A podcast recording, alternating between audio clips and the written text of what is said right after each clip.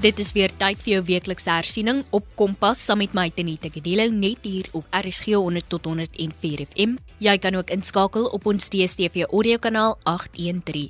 En onthou, Kompas word aan jou gebring in samewerking met SABC Opvoedkunde en die Wes-Kaapse Onderwysdepartement.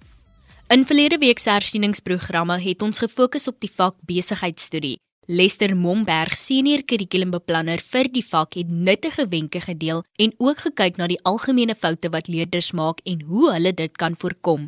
Hierdie week beweeg ons oor na wiskunde en op die lyn is Annetjie Viljoen, een van die vakhoofde vir wiskunde by Hoërskool Stellenberg. Kompas, jou loopbaanrigtingaanwyser op RSG.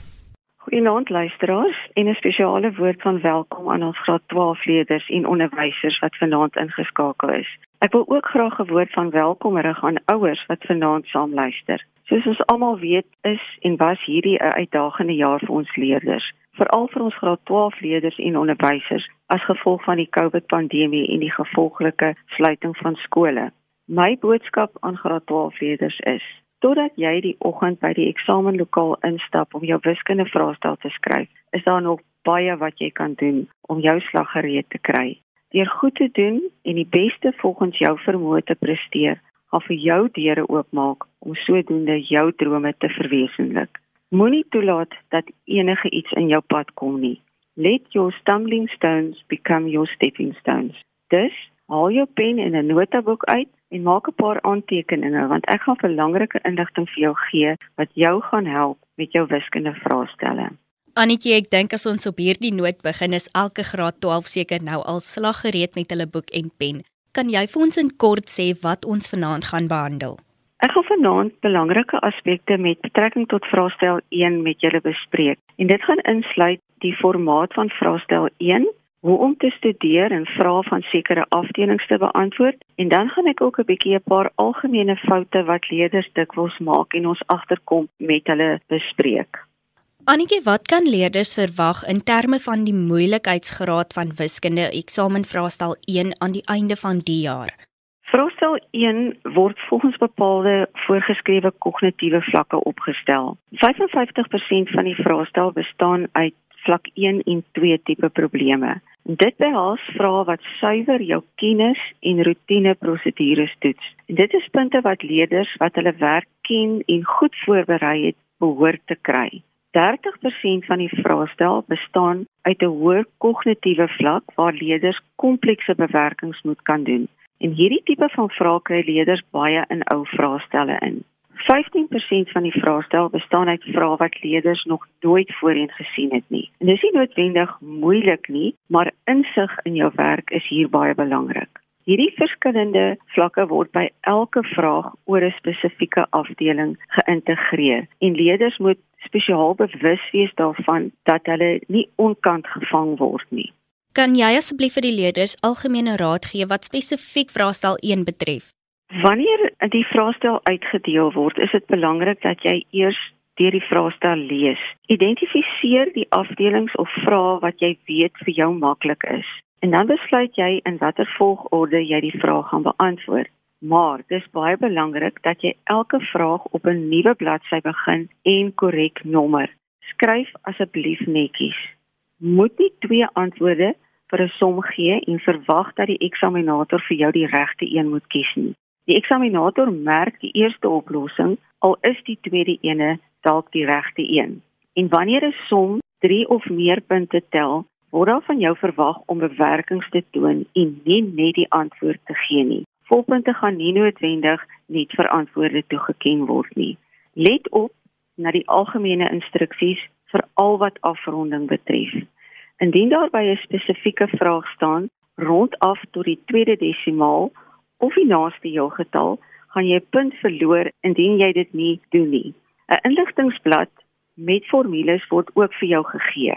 En terwyl jy besig is om te leer en voor te berei vir die eksamen, kry vir jouself so 'n inligtingblad en oriënteer jouself met betrekking tot daardie inligtingblad sodat jy presies weet waar jy vir 'n spesifieke formule moet gaan soek. Dan is daar natuurlik ook verskeie afdelings in hierdie vraestel 1. Watter afdelings moet leerders vir die vraestel leer en wat is die punte toekenning vir elke afdeling? Vraestel 1 word nou hierdie jaar op 12de November geskryf en dit is van 9:00 tot 12:00 die oggend. Die vraestel tel 150 punte en dit werk uit op trend op 'n punt per minuut en dan laat dit jou met 30 minute oor om deur jou antwoorde te gaan. Die onderwerpe waaruit vraestel 1 bestaan is algebra. Dit tel min of meer 25 punte, so plus minus 3. Rye en reekse 25 punte, ook plus minus 3 funksies en grafieke 35 punte plus minus 3, finansies 15 punte, ook so plus minus 3, kalkulus 35 plus minus 3 en waarskynlikheid 15 punte, ook so plus minus 3 wat kan bykom of minder as dit is. En dan die volgorde van vrae in vraestel 1 is normaalweg begin altyd vraag 1 met algebra, daarna volg ry en reekse, dan funksies en grafieke, finansies, kalkulus en dan die laaste vraag, waarskynlikheid. Jy luister na Kompas op RSG 100 tot 104 FM saam met my Tenita Kadelo en ek en Annetjie Viljoen doen wiskunde hersiening. En wat is van die probleemareas wat jy met die merk van vraestel 1 by vorige jare geïdentifiseer het? Ek gaan nou die verskillende onderwerpe waaruit vraestel 1 bestaan vat en dan gaan ek rondom elkeene 'n bietjie goed uitlig wat ons waargeneem het probleemareas is. By vergelykings ongelykhede in algebra. Sommige leerders sukkel nog steeds om die kwadratiese uitdrukking te faktoriseer. As dit vir jou 'n probleem is, gebruik die kwadratiese formule of die vierkantsformule en gebruik jou sakrekenaar. En deur gebruik te maak van die formule as jy sukkel met iets soos faktorisering, faktorisering van 'n kwadratiese uitdrukking, kan jy vir jouself 'n klomp punte opstapel. Faktorisering is 'n vaardigheid wat benodig word by oplos van kwadratiese vergelykings, oplos van 'n ongelykheid, oplos van 'n eksponensiële vergelyking, oplos van gelyktydige vergelykings, beantwoording van vrae oor kwadratiese patrone by rye en reekse beantwoording van grafiekvrae wat die parabool insluit, faktorisering van 'n derde graadse uitdrukking, bepaling van die draaipunte by 'n derde graadse funksie en dan ook by die oplos van toepassings by maksima en minima vrae. Maak dit seker dat jy weet hoe om te faktoriseer. En dit bring my by die volgende fout wat leerders dikwels maak en dit is om die vierkantsformule of die kwadratiese formule verkeerd af te skryf. Let asseblief daarop dat die formule op die formuleblad vir jou gegee word. Skryf dit reg neer. Bepaal vooraf uit die vergelyking wat jou A, B en C waarde is. Jou vergelyking moet in standaardvorm wees, y gelyk aan ax kwadraat plus bx plus c. Vervang die waardes in hakies in die korrekte formule.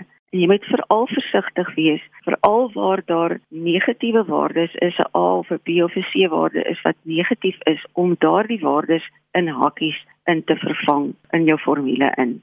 Maak seker dat jy weet hoe om jou sakrekenaar te gebruik om die wortels te bereken. Party leerders dink jy sleutel dit maar net in en daar het jy die antwoord, maar jy moet dit vooraf oefen om seker te maak dat jy dit op die regte manier doen, die hakkies op die regte plekke insit om sodoende jou korrekte antwoord te kry. Afronding van antwoorde word nie volgens instruksies baie keer reg uitgevoer nie en dan gaan jou antwoorde verkeerd wees. Juist by vraag 1 waar jy 'n kwadratiese vergelyking moet oplos en jy dit met die formule moet doen, met ander woorde waar jy dit nie kan faktoriseer nie, is dit die spesifieke vraag waar jy baie mooi moet kyk na afronding. Luister na die instruksies, kyk na die instruksies wat vir jou gegee word spesifiek by hierdie tipe van vraag.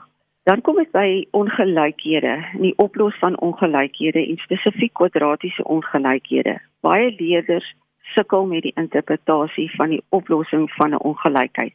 Leerders hanteer dit op dieselfde manier as die oplos van 'n kwadratiese vergelyking. Maak seker dat jy weet hoe om ongelykhede grafies op te los. Oplos van ongelykhede word nie net alleen in vraag 1 waar dit so 3 of 4 punte is getoets nie. In verlede jaar se eindeksamen vraestel het die oplos van ongelykhede min of meer 15 punte getel. Ongelykhede was gevra in rye en reekse ongelykhede by grafieke en daar was daar ook ongelykhede by kalkulus wat jy moes oplos.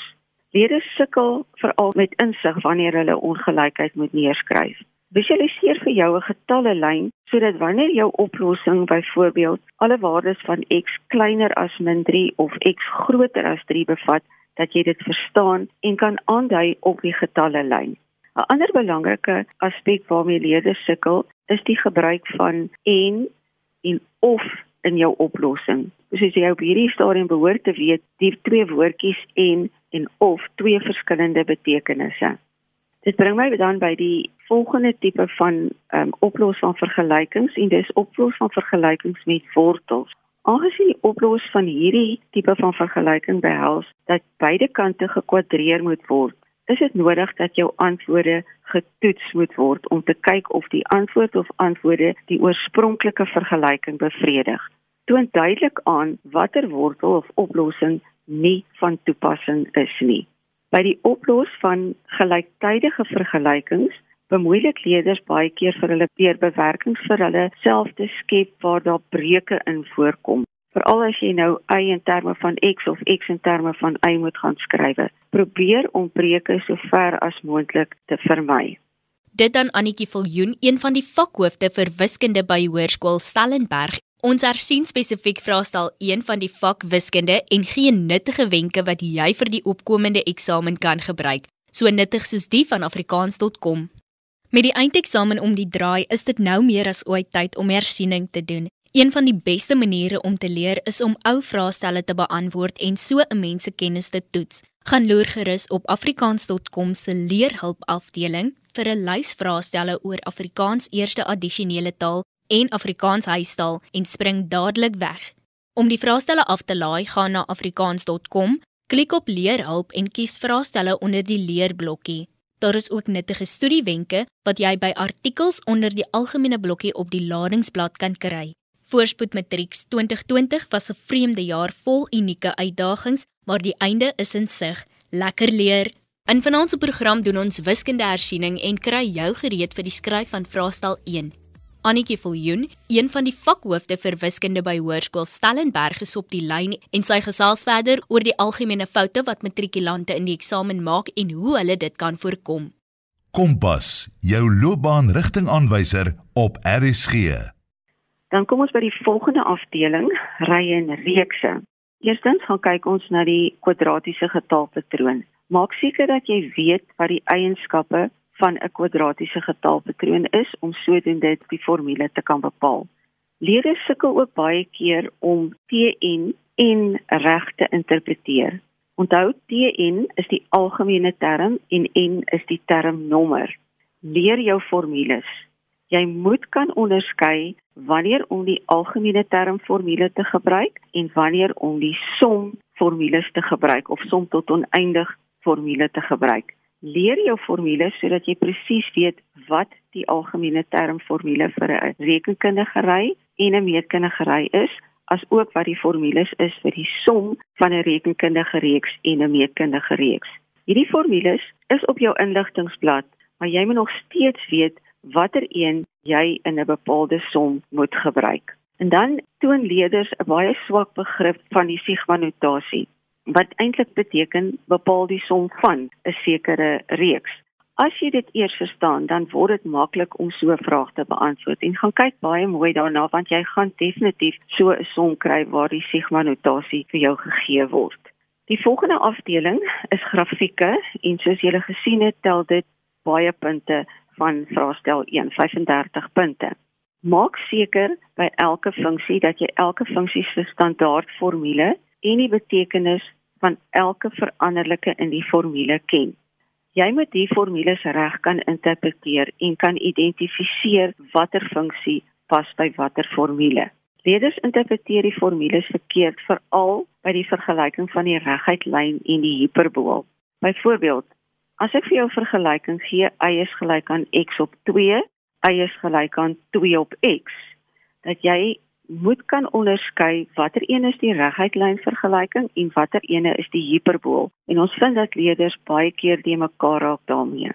By die parabool moet jy ook seker maak dat jy vertroud is met die twee vergelykings, standaard vergelykings vir die parabool, y gelyk aan ax kwadraat plus bx plus c en y gelyk aan a hakie x min b sluit hakie kwadraat plus q. want daardie twee vergelykings gee vir jou bepaalde inligting wat jy dadelik kan identifiseer vanaf die formules. Dan ook wees bedag daarop wat jy alles kan aflei van die draaipunt van die parabool. Die draaipunt dui vir jou die simmetrie as aan as ook die maksimum of die minimum waarde. Onderskei tussen die simmetrie as en die vergelyking van die simmetrie as. Onthou, sommige grafieke het asymptote, byvoorbeeld die hiperbool en die eksponensiële grafiek, en die vergelykings van die asymptote word dikwels vir jou gevra. Onthou as jy dit skryf, moet jy dit skryf as y is gelyk aan of x is gelyk aan. Pas op as die vergelyking vir jou gevra word te skryf p is gelyk aan of q is gelyk aan nie. Maak seker dat jy die definisie en waardeversameling van elke funksie kan identifiseer. Onthou, as daar vir jou gevra word om die definisieversameling te skryf, is dit x is 'n element van en die waardeversameling y 'n element van moenie te mekaar raak met die twee nie. Dit is seker ook baie keer om die x en die y afsnitte van die eksponensiële en die hiperboolgrafiek te bepaal. En dis belangrik dat jy vooraf jou eksponentwette baie goed gaan leer en ook leer hoe om byvoorbeeld 'n eksponensiële vergelyking op te los as ook vergelykings met breuke om dit te kan oplos.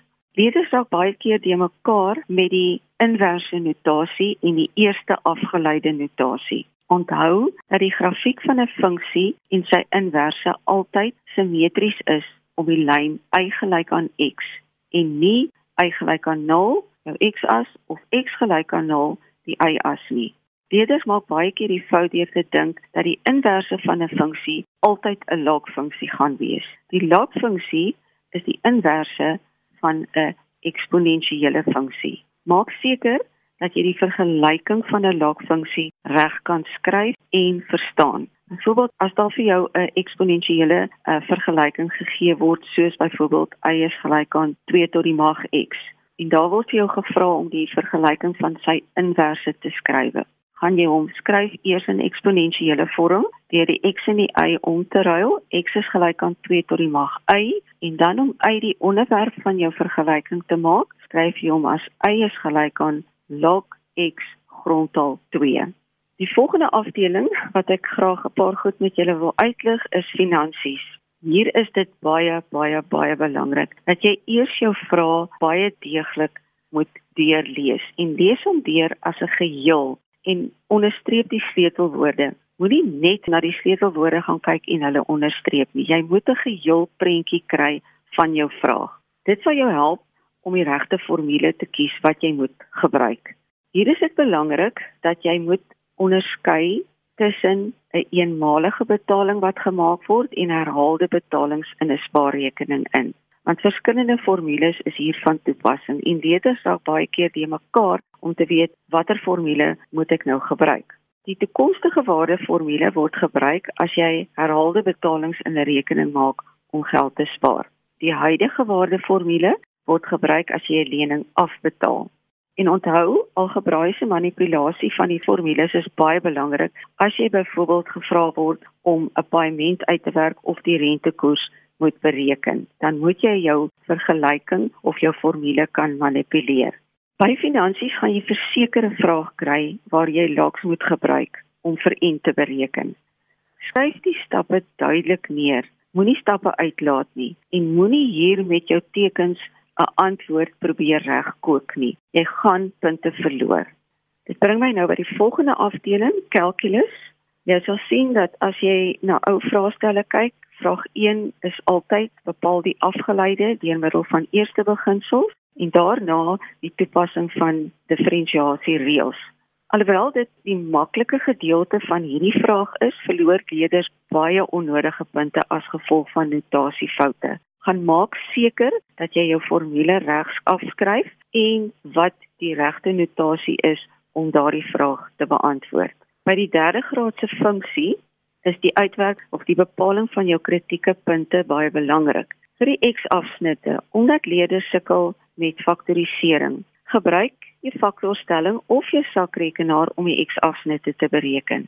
Die draaipunte word met behulp van diferensiasie verkry. Kry jou eerste afgeleide, stel dit gelyk aan 0, los die vergelyking op. Die punt van infleksie of jou buigpunt word ook met behulp van diferensiasie verkry. Bepaal die tweede afgeleide, stel dit gelyk aan 0 en los dan die vergelyking op. Jy kan ook die x-koördinaat van die buigpunt bepaal deur die middelpunt tussen die twee draaipunte te bereken. Hier is dit ook belangrik dat jy die begrip van konkaviteit verstaan. Afleidings van afgeografieke is baie belangrik. Byvoorbeeld, as daar vir jou sou gevra word, bepaal vir watter waardes van x is die eerste afgeleide in x kleiner as 0. Daardie tipe van begrippe moet jy hê en kan verstaan.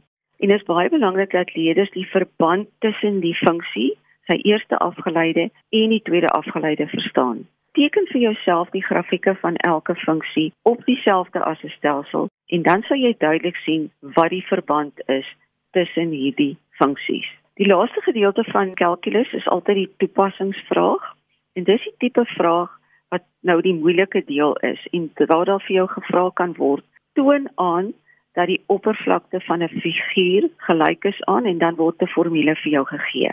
En dis 'n moeilike vraag want jy moet die inligting kan interpreteer En dan terselfdertyd moet jy jou formules ken om byvoorbeeld die oppervlakte, die totale buiteoppervlakte, die omtrek of volume van 'n uh, figuur wat vir jou gegee word te kan bereken. En die daaropvolgende vraag is altyd bepaal die maksimum of minimum oppervlakte byvoorbeeld. As jy die voorafgaande vraag nie kon doen nie, met ander woorde jy kon nie by die formule uitkom nie, kan jy nou daai formule wat vir jou gegee word gebruik om dan die res van die vrae te beantwoord.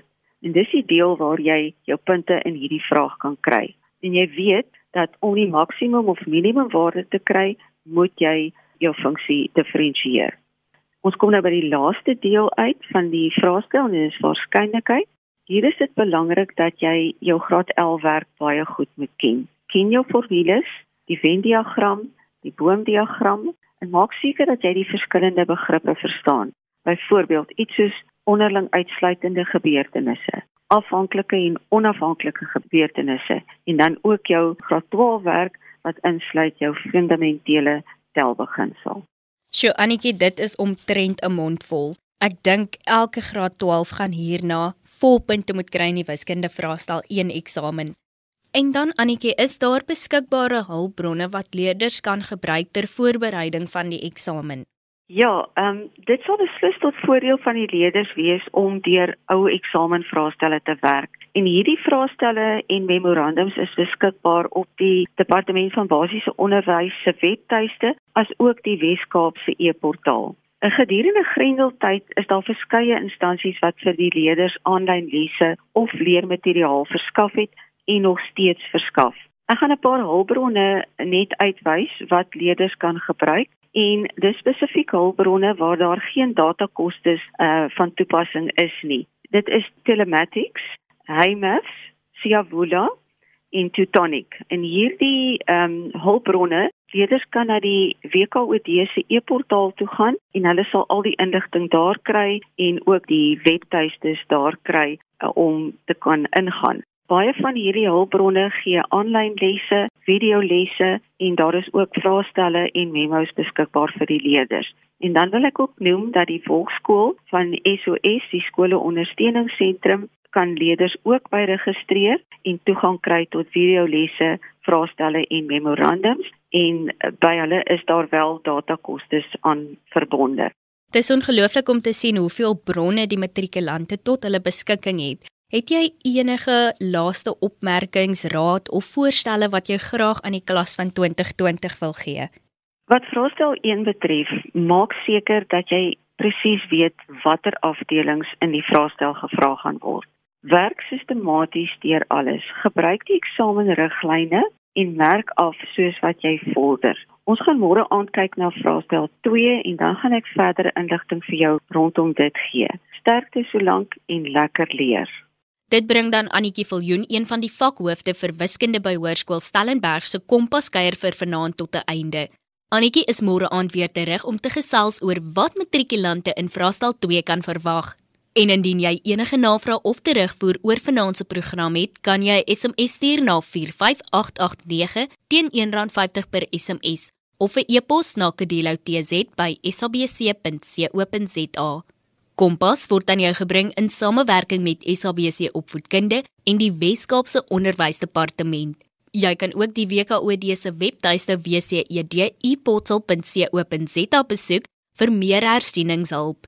En dit bring ons Kompas kuier vir vanaand tot 'n einde. Dankie dat jy saam gekuier het. Ons maak môre aand weer so. Tot dan van my Tenita Kadello. Totsiens.